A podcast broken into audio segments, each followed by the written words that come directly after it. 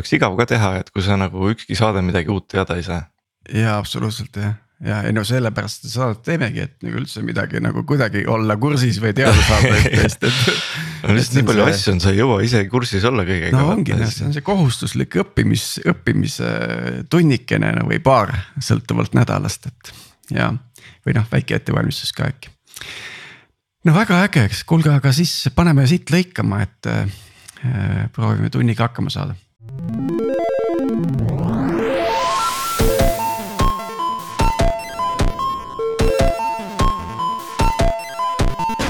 tere jälle Algorütmi kuulama eetris on meie saja kuuekümne kaheksas episood. ja mina olen Tiit Paananen Veriffist ja koos minuga on lindistamas Martin Kapp Pipedrive'ist. Äh, Priit äh, ei saanud tulla, aga tal oli väga kahju, sest tulemas on eriti äge episood praegu et sest me oleme oma otsaga jõudnud tagasi nagu masinõppe teemadele ja, ja noh, kiire kiire ülevaade, noh chat GPT on väljas, eks ju, kolmas versioon kirjutab meie eest täna juba artikleid ja joonistab pilte ja. ja neljas versioon tuleb äh, mõne kuu pärast ja selle võimekus siis kasvab nüüd äh, saja seitsmekümne viie miljardi parameetri pealt triljon pluss parameetri peale, et et eksperdid, mõned eksperdid siin arvavad, et, et selleks tuleb selle, see toob kaasa nagu päris korralikke muutusi nagu isegi koguni majanduses, et päris sihukene huvitav aeg on meil praegu. ja, ja teemat lahkama siis kutsusime tõelise Eesti raskekahurväe esindaja, et tere tulemast Algorütmi, Tanel Tammet. tervitus ja noh, Tanelit äkki võib-olla ei pea enam tutvustama, aga, aga räägi siis meie kuulajatele korraks sellest, et millega sa täna tegeled ma olen nüüd viimased paar aastat üsna intensiivselt tegelenud sellise hübriidsüsteemi komponentide ja suure pipeline'i ehitamisega, et mõte selles, et, et kui me võtame puhta masinõppe asjad, siis mingeid asju nad teevad väga hästi ja mingeid asju mitte nii hästi. Ja nüüd, kui me võtame sellise traditsioonilise sümbol tehisintellekti, millega ma siin kunagi vanasti palju tegelesin, siis need teevad väga spetsiifilisi asju hästi, aga enamust asju üldse mitte, eks ole ja nüüd loomulikult on paljudel inimestel tunne, et võiks üritada neid asju kokku panna, et võtta masinõppevärgid ja võtta siis need klassikalised sümboltehisintellekti asjad. ja, ja eri viisidel paljud-paljud grupid üritavad neid kokku panna ja siis mul on siis samamoodi üks, üks üritus neid asju kokku panna, nii et ma olen ehitanud siis selliseid sümbol ai komponente, mis sobiksid masinõppega kokkupanemiseks ja me kogu aeg siis vaikselt laiendame seda tegevust, nii et nii et see, mis niimoodi välja paistab, on see, et, et meil on selline tore ingliskeelsest tekstist arusaamise masin, mis suudab küsimustele vastata täitsa mittetriviaalsetele. ja me ehitame seda kogu aeg paremaks ja vaatame, vaatame, mida me sinna saame juurde pookida või mis on head asjad, millega, millega saab nagu edasi keegi kuskil vist või on öelnud, et eesti keeles üritus on ebaõnnestunud katse, et. et ma loodan, et siis tõestad vastupidist see on, see on selline eksperimentaalne tegevus, et, et lihtsalt kogu aeg proovime, ehitame ja mõned asjad töötavad hästi ja. ja, ja siis proovida jälle järgmisi ja noh, kui nüüd mõelda, et kuidas meil masinõpe on täna äh, igapäevaellu tulnud, siis ma just mõtlesin, et kuidas ma nüüd selle episoodi annan oma kolleegile, kes on inglisekeelne, et. et ideaalis ma tegelikult selle lindistuse võiksin sealt tekstiks.ee-st läbi lasta ja siis Google Translator'ist omakorda ja tal ongi ingliskeelne episood põhimõtteliselt olemas teksti kujul, eks ju. et, et äh, ma võib-olla omalt poolt tooks ühe asja, mis mulle natukene pani nagu lambid hakkasid nagu vilkuma ja, ja sireenid nagu huilgama, et. et selline murranguline moment selle viimase arenguga, selle chat GPT-ga oli see, kui. kui mu neljateistaastane poeg, kes tegelikult veel ei oska progeda, aga on küll huvitatud sellest tuli minu juurde ja näitas, et, et ta saab Unity jaoks endale C-Sharpi koodi chat GPT käest. ja mul oli nagu äh,. ok, noh hea küll siis, et kopeeris siis ümber ja, ja seda ta tegi ja, ja liikuma ta need asjad sai. mis seal mängus oli vaja tal mingisugune junn pidi seal üles-alla hüppama, on ju. et, et mida, mida nüüd, mida need arendajad, vaesed arendajad siin nüüd peavad tulevikus mõtlema, et, et kuidas nad hakkama saavad, et kas neil on enam tööd? Ma, mina, mina, mina kardan, et tööd on ikkagi rohkem, kui, kui keegi tahaks või jaksaks teha, et see, ma, ma väga ei usu, et see kuidagi muutub. no mina olen seda meelt, et, et kui seesama stsenaarium, eks ole, et siis asi, mida, mida chat GPT, GPT ja mingid siuksed võib-olla tegema ei hakka, on ikkagi see, et. et ikkagi meie mõtleme välja, mida me tahame, okei okay see kirjutas valmis, aga idee ikkagi noh, et millal nad iseseisvalt päris mõtlema hakkavad ja, ja noh, nagu loovalt mõtlema, et see võib-olla sinna ikka on veits aega veel. just, aga kindlasti see, see, see, kuidas ma ütlen siis kuskil on mingisugune, mingisugune piir, eks ju, see nüüd hakkab nihkuma kuhugile poole, eks ju. aga, aga ma Taneli käest tahaks võib-olla alustuseks siin uurida seda, et, et kus meil täna on masinõpe päriselt kasutusel? nagu sellised suured tükid, valdkonnad. vaataks nagu selle üle ja siis, siis vaataks, et mis edasi siis juhtuma hakkab, et mis valdkonnad veel pihta saavad on tegelikult ju hull raske öelda, eks, et, et kui me siin kõik mõtleme, et noh, kus ta on kasutusel, ega. ega, ega kellelgi ei ole väga head pilti, sest see kasutus hajub kuidagi väga laiali, et. et noh, isegi raske öelda, mis on kasutuseks, et ja, ja, ja mis on nagu masinõpe, et, et ma, ma ei tahaks nüüd öelda ka niimoodi klassikalise sõna oleneb sellele vastuseks, et. et noh, proovime kuidagi kaardistada, et, et selgelt, selgelt me noh, võtame asjad, mis me teame. et me selgelt teame, et, et, et need sõid, autode sõidu assisteerimise tarkvara noh, ma ei saa öelda, et isesõitvad autod, sest neid praktiliselt ei ole, eks ole, aga assisteerimise tarkvara vägagi on, mis suudab rada hoida ja vahel ära pöörata ja värk, eks ju.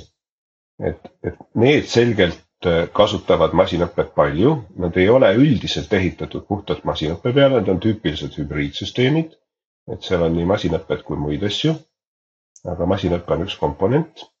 siis, siis me teame, et, et mass inimesi katsetab äh, sellesama äh, koodi genereerimisega mis tuli kuskil aasta tagasi korralikult välja ja millest selgelt on natukene abi. noh, kuskilt ma ei ole näinud, et tast on nüüd tohutult palju abi, aga, aga selgelt natukene on. noh, eriti kui sa sinna sisse elad või oled rohkem valvaja või nii, eks see on, saab veel näha, kui, kui heaks see läheb ja kuidas see muutub, eks nagu masskasutuses see ei ole. siis me kindlasti teame, et, et need suured sotsiaalmeedia soovitussüsteemid, mis annavad meile tweet'e ja Facebooki asju ja, ja värgid, mida Google meile mille söödab, on samuti hübriidsüsteemid, mis kasutavad osaliselt masinõpet. siis me teame seda, eks, et, et kui sa võtad mõne eh, mobiiliassistendi, näiteks Siri või, või Google'i assistendi. siis nad eh, helist arusaamises kasutavad põhiliselt masinõpet. ja, ja vastamises kasutavad jälle selliseid hübriidsüsteeme, kus on natukene masinõpet ja suhteliselt palju mingisuguseid reegleid ja lihtsalt tarkvara kokku kirjutatud. noh, täpselt sama Amazoniga nii et, nii et, et see, mis ma näen tegelikus elus on, et kõik need asjad, mis, mis tegelikult on kasutusel, on mingisugune keeruline miks. kus sul on eri sorti masinõpet sees, siis on inimeste kirjutatud tarkvara, siis on mingisuguseid reeglisüsteeme ja andmebaase sees. et need on peaaegu kõik sellised asjad ja, ja tegelikult ka need suured, suured kuulsad edulood, eks, mis hakkasid pihta umbes selle ingliskeelse kuldvillaku võitmisega ja, ja ja, ja needsamad assistendid ja värgid, eks ju, siis, siis see, see kuulus. ma ei tea, kuidas see, kuidas see õige sõna on, bioloogiliste asjade, asjade automaatne sünteesimine. ja, ja samuti male ja koo mängimised, need on samuti sellised hübriidsüsteemid, kus on sul mingid äh, keerulised otsitarkvarad, mida inimesed on ise kirjutanud, eks ole, ja siis nad, siis nad näiteks noh, mängutarkvarad mängivad iseenda vastu ja, ja üritavad siis iseenda vastu mängides katsetada, et mis on, mis on siis nagu parem, parem positsiooni hindamine, eks ju e,. aga, aga ega ma väga palju rohkem ei teagi ja, ja, ja noh, mu hüpotees on see, et selleks, et niimoodi massiliselt me enda ümber näeksime igapäevases elus selliseid e, keerulisemaid asju, kus masinapett on palju sees. et nad peavad lihtsalt nagu, asjad peavad kõvasti paremaks minema, et me ei ole veel nagu sellel tasemel, me oleme ikkagi natuke sellisel noh, piloot, eksperimenteerimis, katsetamistasemel ja, ja, ja see kõik võtab aega, et see ei lähe nii ruttu. ma, ma, ma ei oska absoluutselt ennustada, kui ruttu see läheb, eks, aga noh, praktika enamasti näitab, et kõik asjad võtavad veidike rohkem aega, kui algul tundub, et noh, mingi äge asi tuleb välja, siis mõtled, noh, võib-olla siis aasta pärast kõik kasutavad, noh peaaegu kunagi nii ei juhtu, on ju. mingi hetk hakatakse kasutama ka hoopis teisel moel, kui ma algul ette kujutan see on, see on hea point, seepärast et ütleme, kui ma tulen oma garaaži juurde ja, ja seal on kaamera, mis peaks selle numbrimärgi OCR-i tegema ja siis võrdlema mingi andmebaasi vastu, siis pooltel juhtudel ta töötab ja teistel pooltel juhtudel see uks ei avane, et ma pean ikkagi telefoniga helistama sinna, et. et, et tõesti selle peale nagu lootma jääda ei saa väga, väga, eks ju. aga nüüd ilmselt me ei pääse üle ega ümber, peame seda chat GPT-d siin pidevalt nagu läbi, läbivalt mainima, et. et sa oled kindlasti sinna sisse vaadanud palju põhjalikumalt kui meie, et. et mis praegu nagu hinnang on, et mis valdkonnad saavad mõjutatud oluliselt sellest, et kui selline, mis me siis ütleme, mis ta siis on mina, mina olen enda jaoks leiutanud sellise sõna nagu loominguline tehisintellekt. et ta, et ta ehitab selliseid ägedaid asju suhteliselt etteennustamatul moel. ja, ja kuidas see loominguline tehis, tehisintellekt meid nüüd siis kahe tuhande kahekümne kolmanda aasta jooksul mõjutama hakkab, on ju. arvestades, et versioon neli tuleb nagu no lihtsalt väga suur. no versioon nelja järel tuleb kindlasti viis ja kuus ja seitse ja nii edasi, eks, aga aga no iseküsimus on see, kui palju järgmine versioon eelmisest nagu parem on, eks ju, sest, sest noh, neid äh, GPT versioone on ju järjest tulnud, eks nad kõik on olnud natukene paremaks. ma, ma arvan, et, et lähiajal põhimõtteliselt teevad seda, mida praegu, et, et suudavad sulle ehitada sihukest ägedat teksti, mida sa saad kasutada essee jaoks ja noh, nii et, nii et see on koolides täiesti reaalne küsimus on hakanud tekkima, eesti keeles see võib-olla nii ei ole, ma ei ole veel näinud, eks, et keegi oleks jaksanud teha eesti keele jaoks sellist keelemudelit, mis eestikeelseid esseid teeks. aga samas sa võid kasutada Google Translate'i ingliskeelse essee tegemiseks eesti keelde ja siis seda ise korrigeerida, eks ju, et see on selgelt tehtav. mis võiks noh tähendada, et tekib sellist kahtlast kehvasti kirjutatud eestikeelseid äh, esseesid hästi palju koolidesse. ja, ja nüüd kohad, kus inimesed ütlevad, et nad on tegelikult kasutanud, on siis sellised äh, äh, noh, reklaamitekstid, masspostituse tekstid, põhimõtteliselt sellised jutukesed, mida, mida sul on nüüd ruttu vaja kirjutada kuhugile sinna ja tänna, et neid natukene modifitseerida. et nad näeksid mõistlikud välja et selliste lühikeste jutukeste, millel ei ole väga olulist sisu, aga peavad noh, head ja mõistlikku välja nägema, et selliste jaoks ma olen aru saanud, et inimesed neid reaalselt äh, kasutavad. ja siis on muidugi läinud käima tohutu suur selline äh, ürituste hulk, kus hästi palju väikesi gruppe siis püüab leida nišše, kus saaks seda chat GPT-d moel või teisel kasutada, eks ole, et integreerida mingisse API-sse, panna ühte, teise, kolmandasse, nii et selline masseksperimenteerimine toimub aga ma ei oska öelda, noh, ma arvan, keegi ei oska öelda, et millised need jupikesed sellest masseksperimenteerimisest osutuvad kasulikuks. aga tõenäoliselt mõned osutuvad, aga, aga seda hetkel tõenäoliselt keegi ei tea. ma korra keeran siit nagu kõrvaltänavasse või põiktänavasse, et, et sealt uuesti pärast tagasi tulla. masina poolt loodud sisu ja nüüd meil nagu kindlasti on juba ammu tegelikult ilmselt on äh, probleem äh, eristada ilma väga põhjalikult süvenemata. kas, kas see on teema, et sisu tuleks signeerida ehk siis kuidagimoodi tekib mingisugune infrastruktuur, kus on võimalik eristada, mis on päriselt autori enda loodud asi no kui sa küsid, kas tuleks signeerida, ma ise arvan, et ei tuleks, et võib signeerida, aga no ei pea, et üldiselt inimesed ju ei tee seda, et.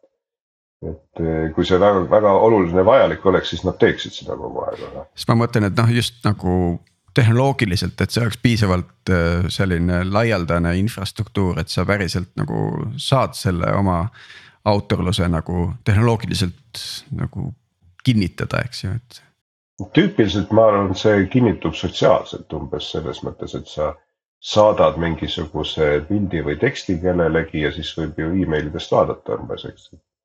et oo, ta saatis, et ju siis tema on, eks ole, et keegi ei saatnud enne teda ja, ja. ja see enamasti näeb natuke niimoodi välja.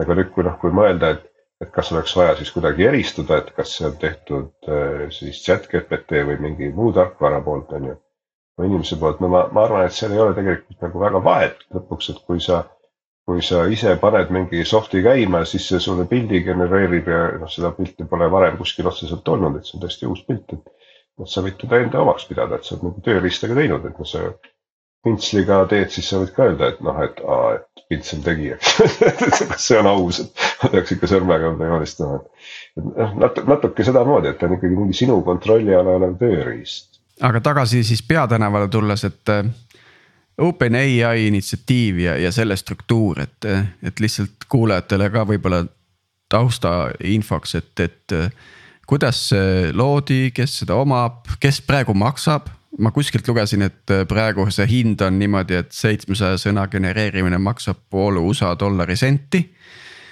et, et see on see nii-öelda hinnapool seal, eks ju, et kuidas ta on üles ehitatud täna?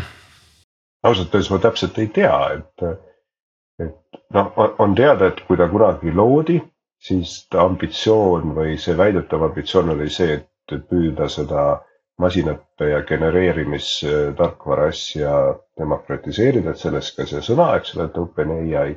Need tegelikkus on osutunud erinevatel põhjustel täpselt vastupidiseks, et nad on väga mittelahtised, nad lihtsalt ei räägi kellelegi, mis nad täpselt teevad seal detailselt ei anna asju välja.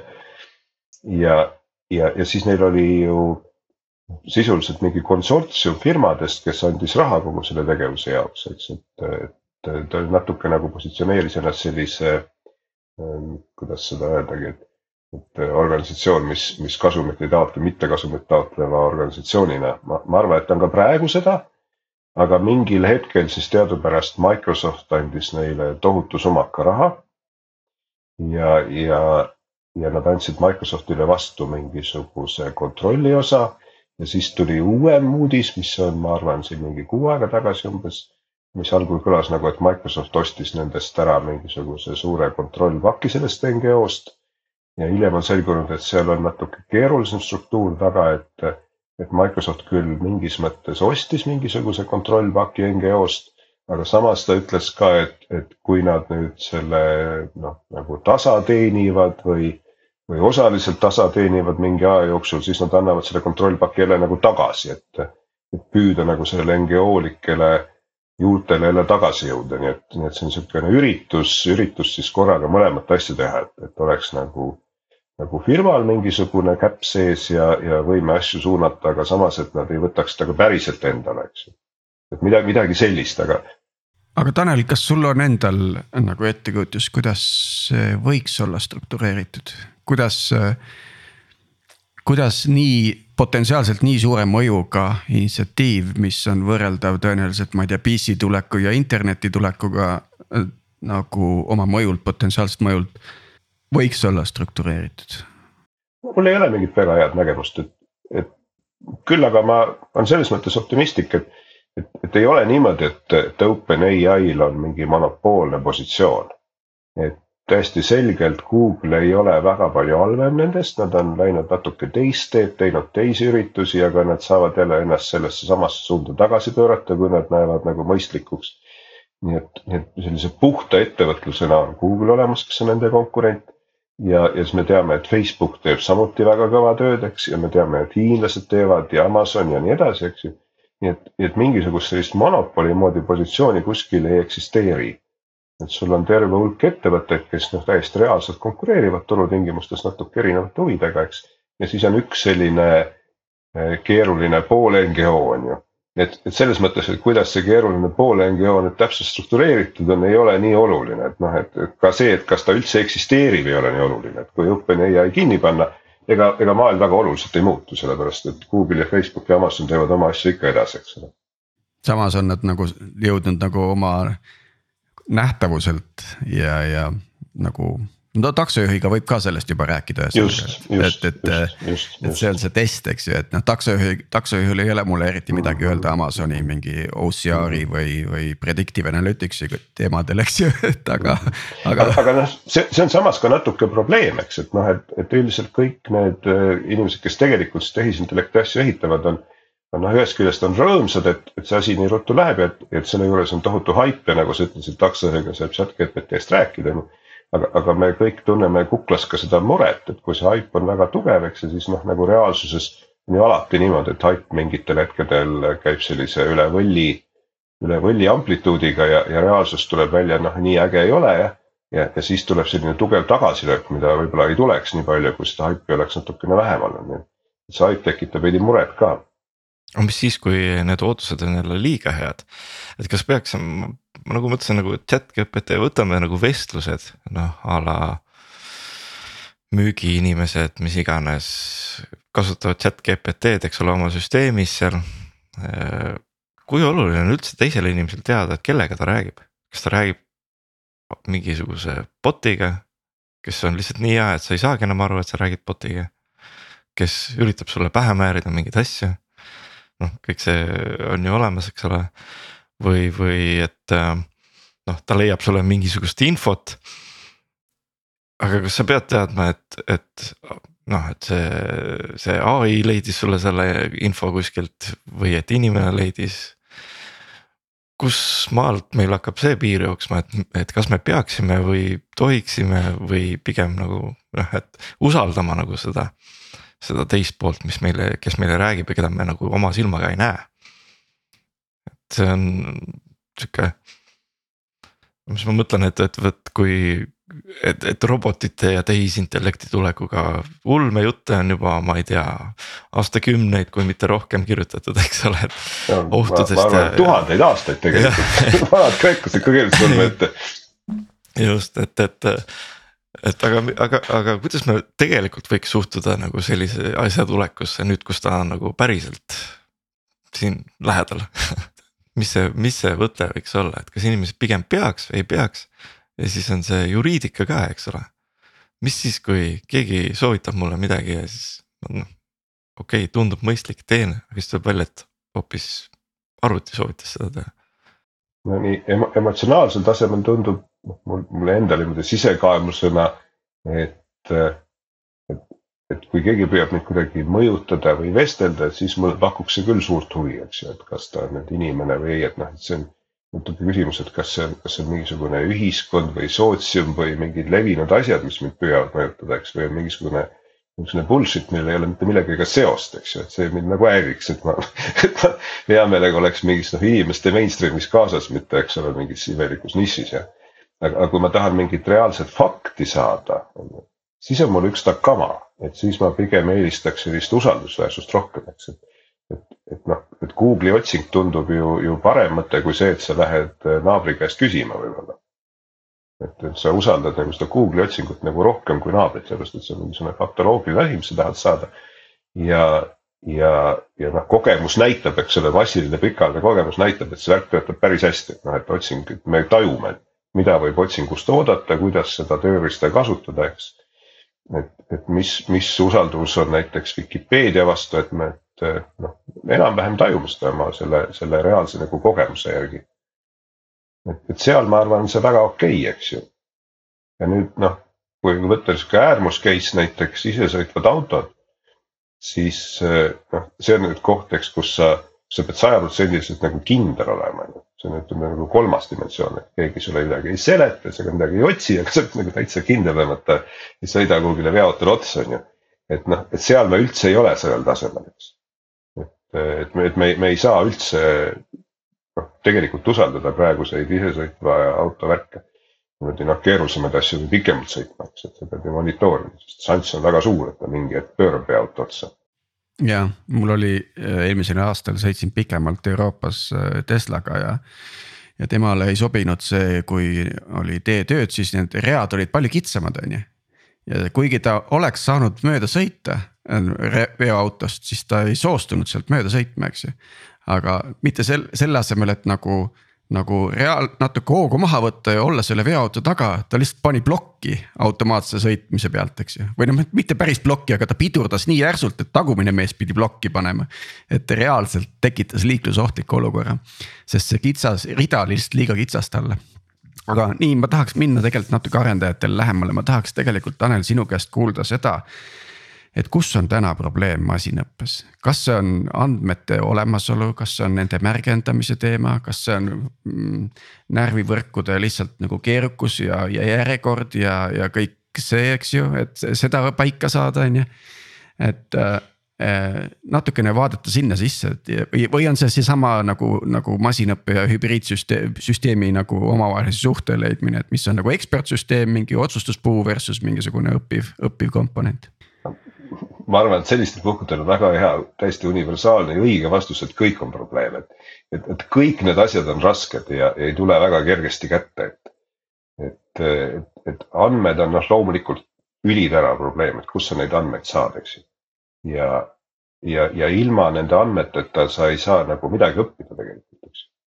et noh, et, et kui me reaalselt vaatame, et, et no mikspärast näiteks see chat GPT hästi töötab ja miks pildi genereerimine hästi töötab puhul on nagu lihtsam aru saada. et, et meil on tohutu mass teksti, eks ole, veebis olemas, väga igat laadi. ja, ja nagu teadupärast need süsteemid nimetatakse transformeriteks, eks töötavad selle põhimõttega, et nad ennustavad järgmist sõna või noh, mingit sõnaosa. ja, ja nüüd, kui sa mõtled, et kuidas sa saad nagu teksti, teksti mingit järgmist sõna ennustamist õppida, lihtsalt vaatadki tekste, mis on olemas. et võtad, võtad mingi suvalise teksti vaatad noh, püüad ennustada järgmist sõna ja siis vaatad, noh, kas läks täkke ja sa kohe näed, eks ju, sest noh, iga sõna ongi kohe, kohe materjal selle õppimiseks. nii et kõik see tekst, mis on olemas, on, on ideaalne materjal äh, järgmise sõna õppimiseks, ta on kohe olemas, eks. ta kohe õpetabki sind järgmist sõna ennustama, et seal ei olegi nagu küsimust, et sa ei pea, sa ei pea laskma inimesi seal kuidagi märgendada midagi, sa ei pea iseenda vastu mängima, sa ei pea midagi eksperimenteerima, mitte midagi ei ole vaja teha. et väga tore aga, aga niipea, kui sa hakkad vaatama mingisugust muud asja, kus sul ei ole seda materjali sellistes kogustes, läheb asi nagu drastiliselt raskemaks, et noh, juba, juba näiteks ka male ja voo mängimine on drastiliselt raskem, sellepärast et noh, sa ei saa.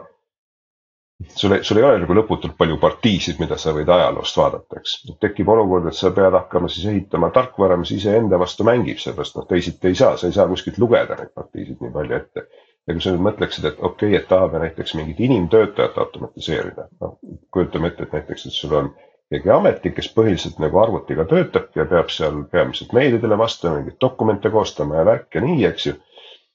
et, et noh, et ei olegi füüsilist robotit vaja, et võiks ju arvutis nagu teha, siis no aga kust me võtame selle materjali nagu miljardid, miljardid äh, ametniku tegevused erinevates olukordades, eks ju kus ta on hästi teinud, kus ta on valesti teinud, et noh, mille pealt õppima, seda ei ole, eks, ta on nii vähe, et selle pealt ei saa mitte midagi õppida ja nüüd. nüüd järgmine variant on see, et me saaks hakata eksperimenteerima, mis on see teine variant peamine õppimisest, et proovid järgi, et kuidas läheb, et.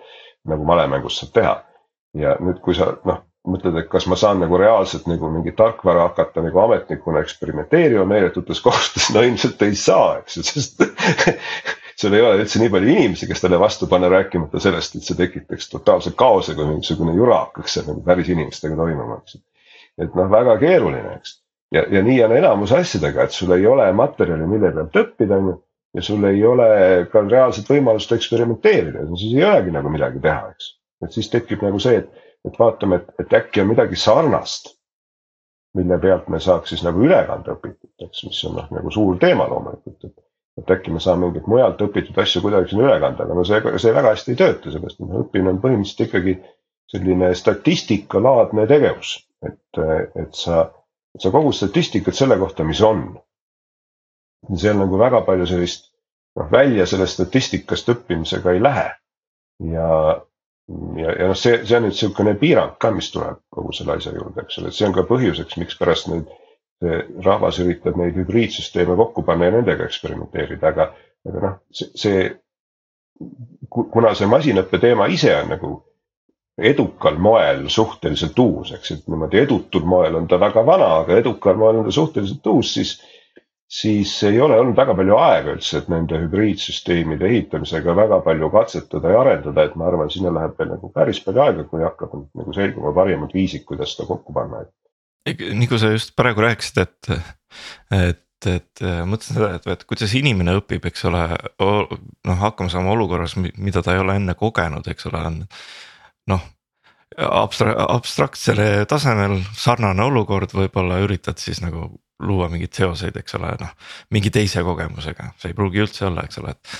et kas see on ka siis samamoodi, et noh, et kui sul on, ei ole seda nagu õpimaterjali nii palju võtta, eks ole, et siis pead mõtlema, mis selle nagu tegevuse point on veidi abstraktsemaks minema, leidma sarnase asja ja siis sealt õppima.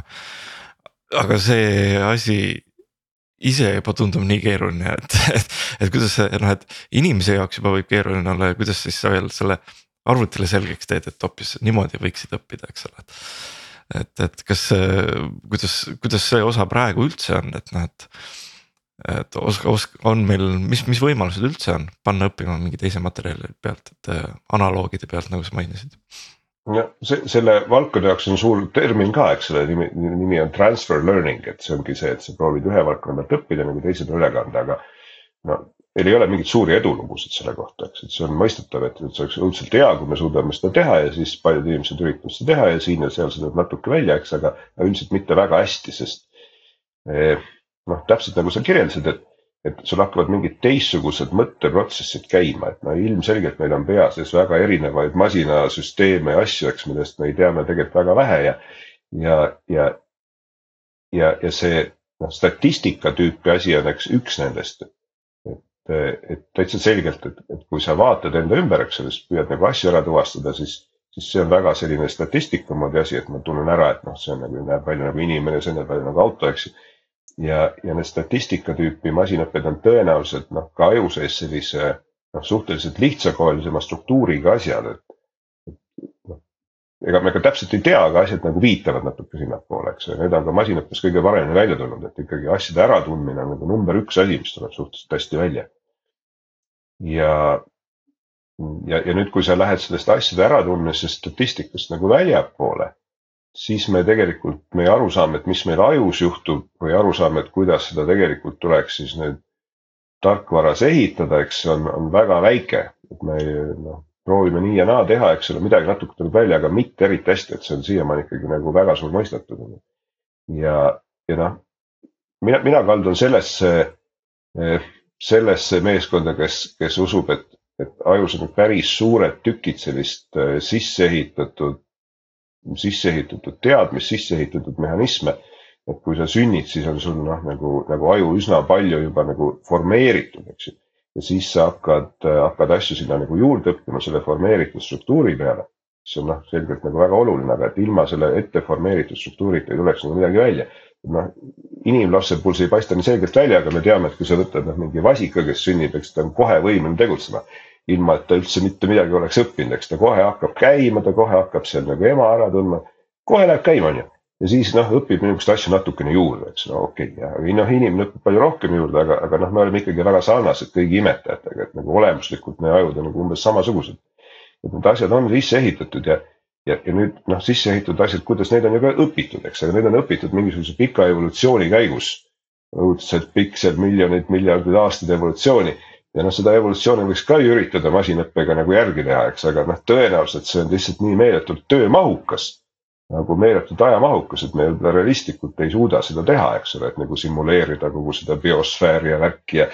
ja noh, võib, võib-olla seda olekski nagu vaja selleks, eks, ega, ega ma ei tea, et ei ole päris võimatu. see on huvitav paradoks jah, et tegelikult ei, et äh, inimesed üritavad äh, arendada masinõpet aru saamata, kuidas nende enda aju veel töötab. sellest puudub ka arusaam tegelikult, enam-vähem teavad, kus midagi toimub ja, ja kuidas seda pärssida, selles on paljudel suured kogemused, aga aga, aga mis, mis see, mis see võti on, sellest ei ole veel vist aru saadud. see on sama vaata nagu, et, et mis asi see kõhutunne on, eks ole, see on, see on põhimõtteliselt eh, inimaju heuristiline nagu ja. probleemi lahendamine on ju. see on, et kõigepealt on siis nagu kuskil siis ühes keskuses on õpitud mingi asi selgeks, siis on lükatud kuskile karpi see mudel. ja mm -hmm. siis kõhutunne tekib sealt, eks ole, et näed ah,, vist on see vastus, kontrollid ah,. Tanel, ma veel uuriks äh, seda, seda poolt, et, äh, et kuidas sulle täna tundub, kas äh, tulevikus hakkab rohkem masinõpet olema inimese lähedal seal terminalis või kuskil kaugemal pilves? noh, siiamaani on see toimunud peaaegu kõik pilves, eks ju ja aga no see võib-olla sellepärast, et seda teevadki need suured ettevõtted oma selliste noh, suurte asjade jaoks, eks, mida nad meile mingite API-de või veebibrauseriga välja annavad. me mõtleme, kus on praegu toimunud ikka inimese lähedal ma nii palju, kui ma olen aru saanud, siis, siis natukene masinõpet suudavad teha mõned Mobla programmid ja kaamerad. Põhiliselt nad vist küll kasutavad asju, mis on nagu mujal õpitud, eks ju, aga nad jooksevad siis nagu seda äratundmise asja teevad nagu reaalselt sinu Moblas või kaameras. Mm, noh, hea põhjuseks, sellepärast et, et eh, kui sul juba protsessor on, oleks seda mõistlik kasutada, eks selle asemel, et seda kõike nagu siis nagu suunata pilve edasi ja tagasi ja seda koormata. Mm, aga, aga, aga nad õppimist, ma arvan, teevad väga vähe. kuigi ma arvan, nad natuke teevad, aga ma noh, ei ole päris kursis sellega, ma ei oska öelda. Nii et, et mulle jääb see nagu lahtiseks, ma, ma tegelikult arvan, et, et pikemas perspektiivis tundub nagu vähe imelik, kui kõik asjad peaksid nagu pilves töötama, et see tunduks justkui mõistlik, et. et kasutad lähedal olevaid protsessoreid, sest neid võiks justkui nagu palju rohkem olla Äh, aga noh, siiamaani pole see nii olnud, eks. nii et ma, ma, ma ei, ma ei oska ennustada tegelikult, mul on. seal on vist natukene see privaatsusküsimus ka, et, et mingid, mingeid andmeid sa võib-olla ei taha kunagi saata kuhugile, eks ju, et nad peaks justkui jääma või kindlustama selle, et see jääb sinu terminali pidama, eks ju kas GDPR on. ongi see, mis meie, meie nagu ai arengut nagu piirab või? oh,. mina ei usu, ma, ma arvan, et see, see on see kõige viimane asi, mis seal tegelikult seda piirab, et seal on palju asju enne. Enne noh, noh puht praktiliselt on need GDPR-i laadsed asjad võib-olla, eks ju, kus on. kus on, noh, ma olen ise olnud mõnes projektis, mida, mida siin meie majandusministeerium on ülikoolidega koos teinud, eks ole, et katsetada masinaõppe asju. noh, mitte päris igapäevases elus, aga asjad, asju, mis võiks olla tegelikult kasulikud, eks noh, meditsiini ja ohutuse ja küberkaitse valdkondades ja sihukestes värkides. Ja igal pool on seal kohe esimene punkt, et okei okay,, meil on vaja ikkagi nüüd andmeid saada. et, et kus need majad siis on, eks, millises seisus nad on, kus on need tuleõnnetused olnud või küberkaitses, et noh, et okei okay,, et millised hoiatused on antud, kuidas neid on nagu reageeritud, eks, et sellega peab hakkama tööle. ja, ja no kõigis, sada protsenti kõigis nendes projektides, mida tehakse võtab see meeletu aja ja meeletu pingutus, et üldse neid andmeid saada. Ja no umbes nagu aasta stiilis, eks. ja, ja vahel ei saagi, eks ju. ja, ja see ei ole otseselt minu meelest nagu GDPR-i teema. see on, see on nagu midagi muud, eks, et see on lihtsalt see, et, et okei okay,, et nüüd kellel on õigus neid andmeid anda või üldiselt need ametnikud või need inimesed või organisatsioonid, kellel andmeid on, nad ei julge neid välja anda, üks noh, neil enamasti ei olegi nagu sellist mingit ärilist huvi, et neid enda käes hoida, eks nad lihtsalt ei julge anda sellest, et noh, et, ta peaks kuidagi vastutama või keegi hakkab kaebama või hädaldama või mingid reeglid, et need reeglid on ebaselged ja ta kardab, et. et kui ta neid ebaselgeid reegleid nendest õieti aru ei saa, eks ole, siis pärast tuleb temaga pahandus, et noh, et kindlam on see lükata kellelegi teisele, see potentsiaalne pahandusallikas. see on kõik õige ja täitsa mõistetav, eks. nii et, et see on mingisugune suurem teema, eks ole, et kuidas neid andmeid üldse kätte saada ja neid liigutada ja ma arvan, et see on küll väga pärssiv asi sest noh, on paljud sellised lihtsad asjad, noh nagu statistika moodi masinate värgid, mida me saaks tegelikult teha, eks ole, aga mida, mida noh ei tehta sellepärast, et lihtsalt see andmete kättesaamise on nii suur.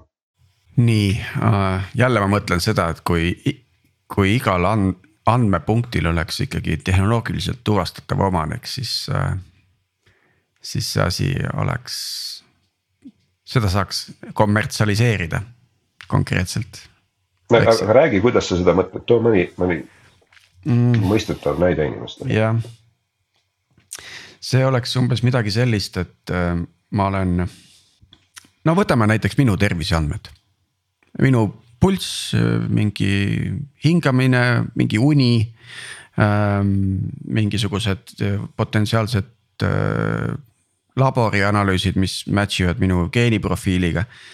et äh, kui mina saaksin nagu kindlustada seda tehnoloogiliselt, et mina kontrollin nende andmete. ma olen nende omanik.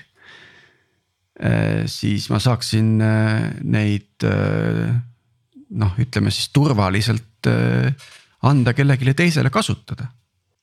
eks ma tehnoloogiliselt suudaksin seda kontrollida. et et see, see, ma ei tea, mingisugune massiiv või mingisugune piiratud hulk andmeid oleks kuidagi minu poolt äh, ma, ma ei oska seda paremini kirjeldada kui watermarked, eks ju, et äh, nagu, nagu fotograafid annavad pildi välja, nad panevad sinna oma selle asja külge, eks ju. eks, et miks ei ole seda tehnoloogiliselt nagu ära lahendatud äh,. ma saan aru, et see peaks olema mingi seal võib olla mingi distributeeritud süsteem, ma ei tea, ma ei hakka siin neid blockchain'i asju praegu mainima, on ju, aga yeah.. või siis see võib olla mingi tsentraliseeritud süsteem mingi teatud skoobis, eks ju, et, et. väga palju neid andmeid tegelikult oleks, ma arvan, ostetavad, müüdavad, inimesed saaks selle eest raha. Ei, aga võib-olla miks mitte blockchain, et, et kõik need tehingud, ütleme, kes pärib sinu andmeid, noh välja arvatud nime ja isikukoodi, ütleme no mis seal vahet on nagu sa saad profiili kätte, eks ole, vanuse ja kõik siuksed asjad. ja iga selle pealt on sul nagu see nii-öelda, kus seal see blockchain'i see ledger, eks ole, on kirje, et kes vaatas sinu andmeid.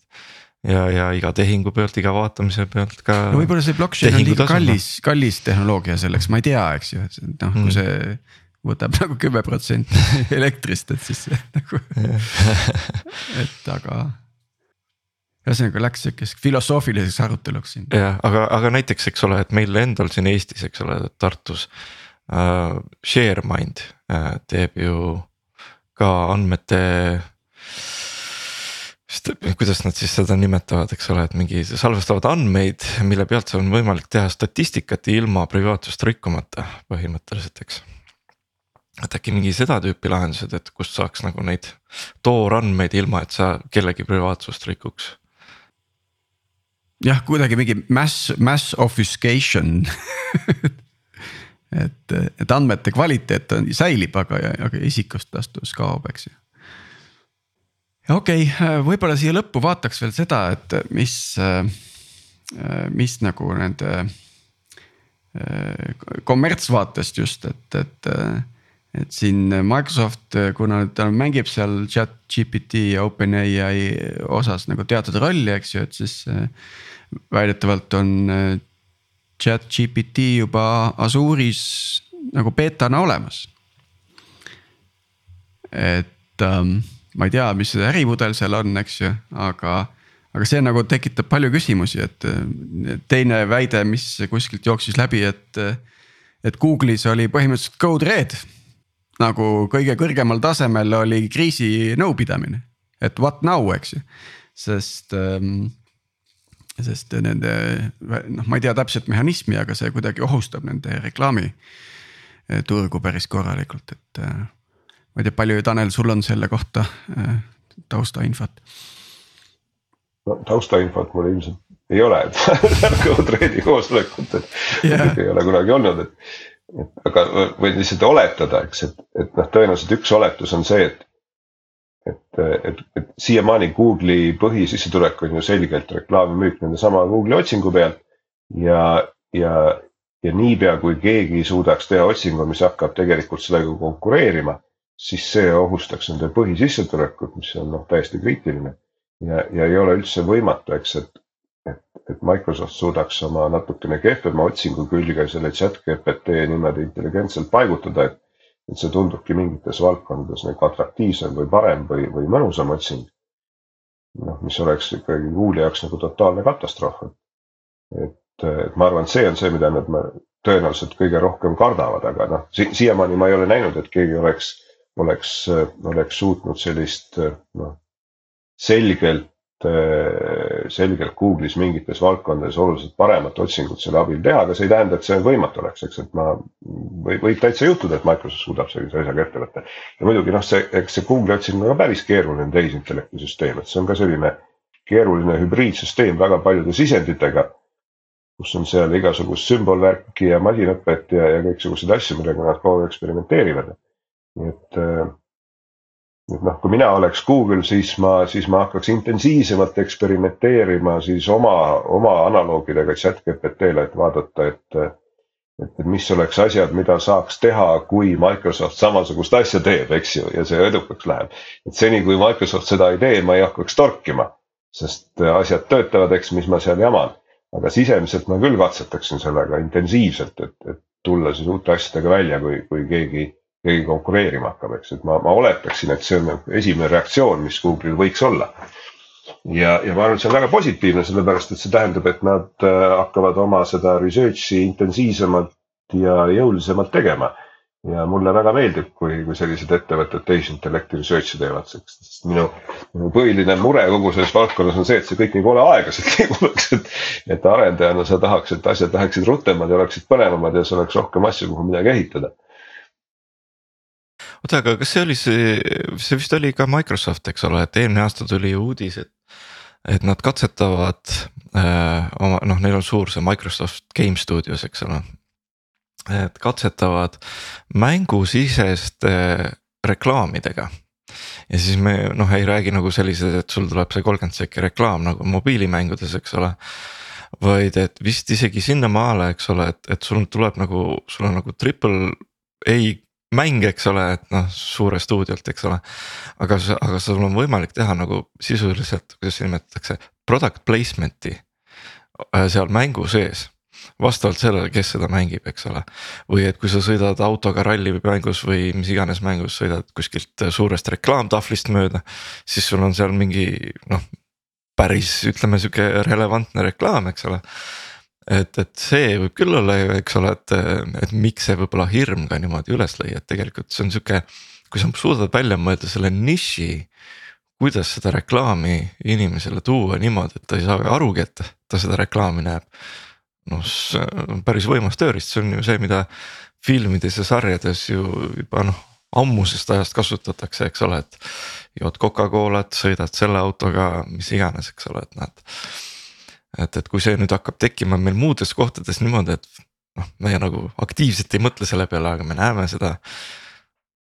päris, päris hirmutav võib-olla. see, on, see on väga hea point, eks ole, et, et osa reklaami eelarvet võib nagu Google'ist nagu rohkem mööda minna kui praegu ja ja näiteks, et kui sa, kui sa kirjutad koodi ja kasutad seda code Copilotit sinna kõrvale, eks ole, siis ta topiks sulle kommentaaridesse muideks reklaame sinna koodi vahele. kui palju meie koodist on reklaam aga see võib täiesti juhtuda, on ju. jah, jah, sellest Copilotist võiks natukene rääkida, et, et ma pean tunnistama, ei ole sinnamaale veel ise jõudnud, aga aga te kindlasti olete rohkem äkki? no mina olen küll katsetanud ikka täitsa huviga ja, ja, ja noh, nagu enamikul inimestel, kes katsetanud, siis, siis ta ületab ootusi. Et, et mina, mina ei oodanud, et ta nii hästi töötab, aga ta tõesti töötas väga hästi.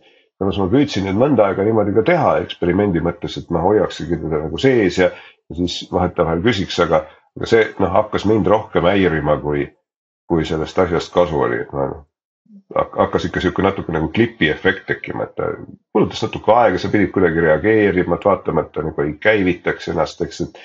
Noh, see on natuke user interface'i küsimus, ma arvan, et seda user interface'i ilmselt saab seal nagu parandada, et sa keerad seda pehmemalt maha ja juurde. oota, viie, viies code'is jookseb või?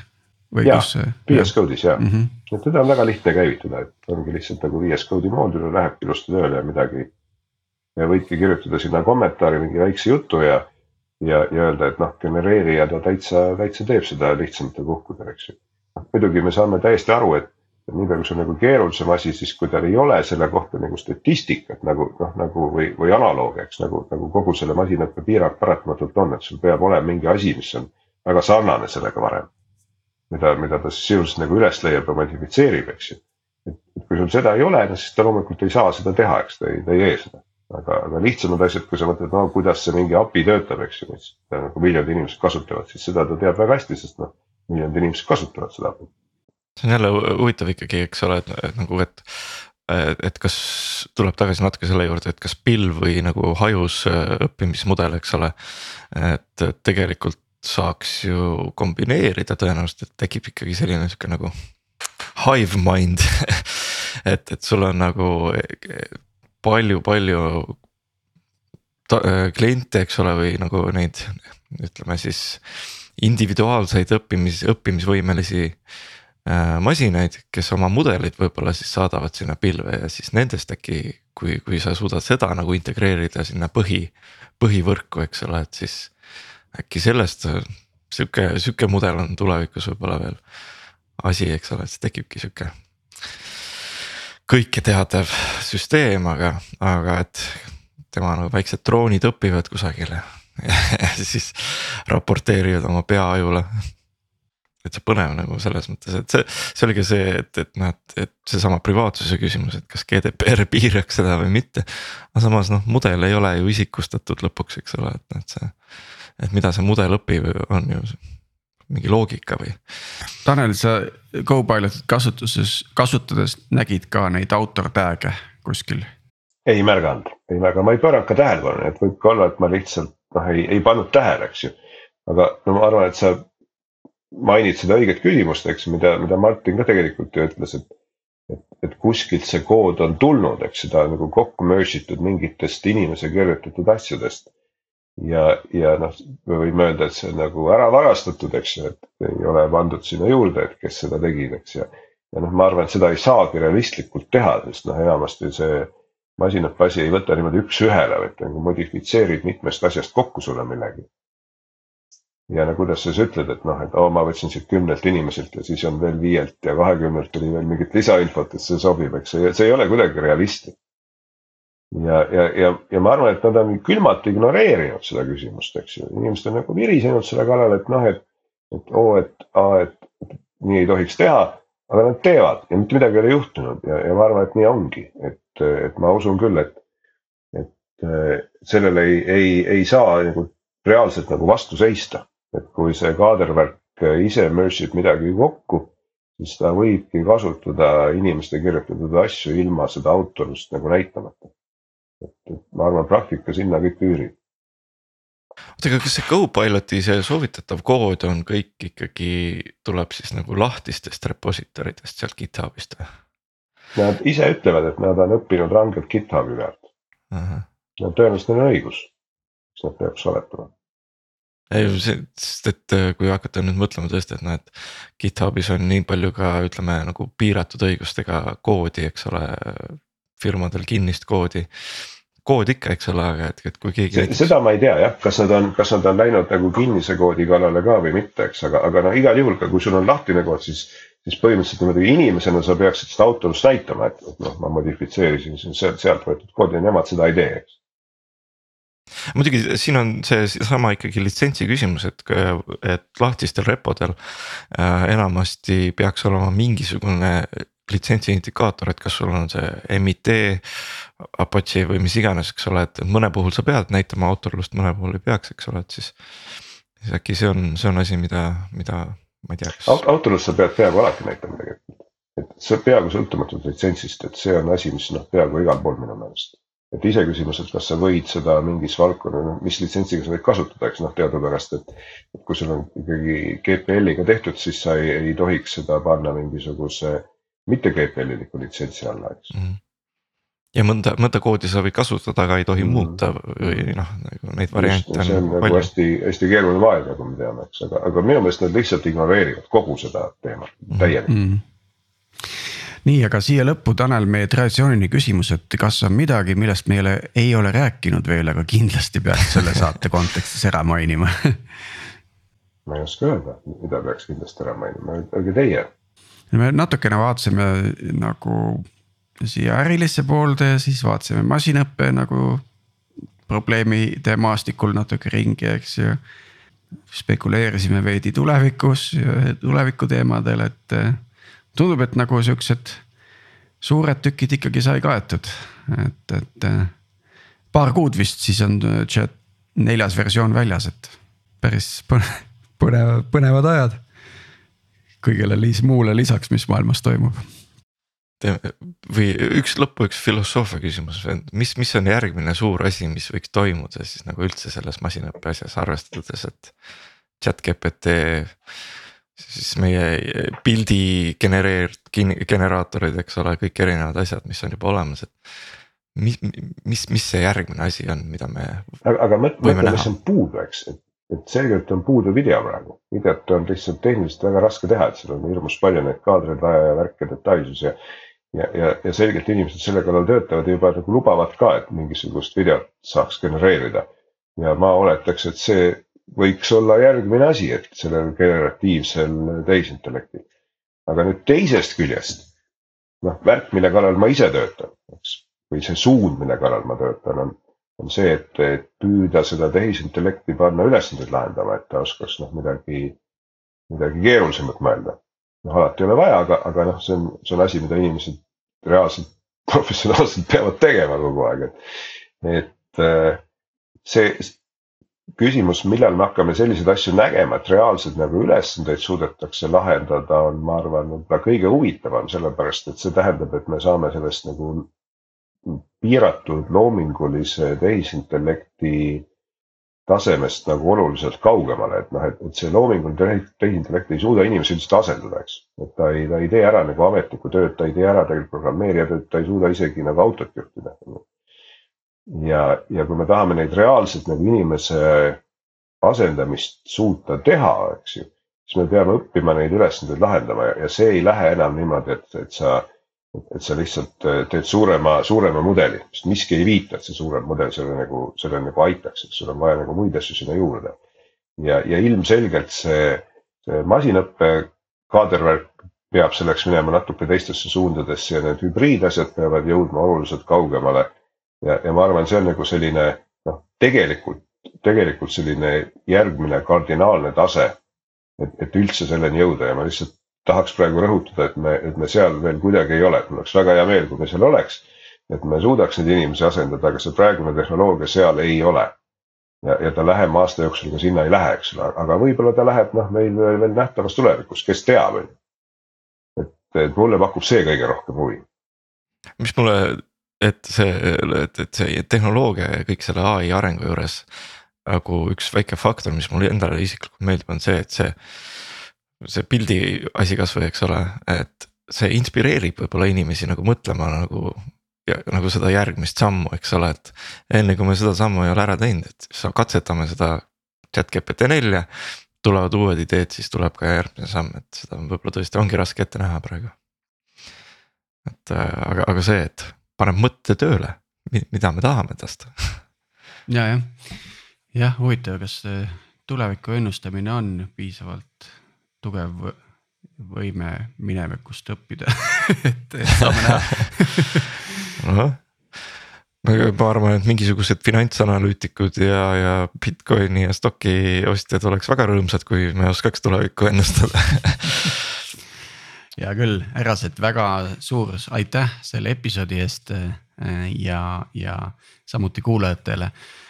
aitäh kuulamast ja, ja kuulime, kuuleme jälle järgmisel nädalal siis juba uutel teemadel. seniks äh, kena talve selgroo murdumise tähistamist ja, ja, ja, ja, ja siis äh, varsti läheb asi jälle paremaks. thank you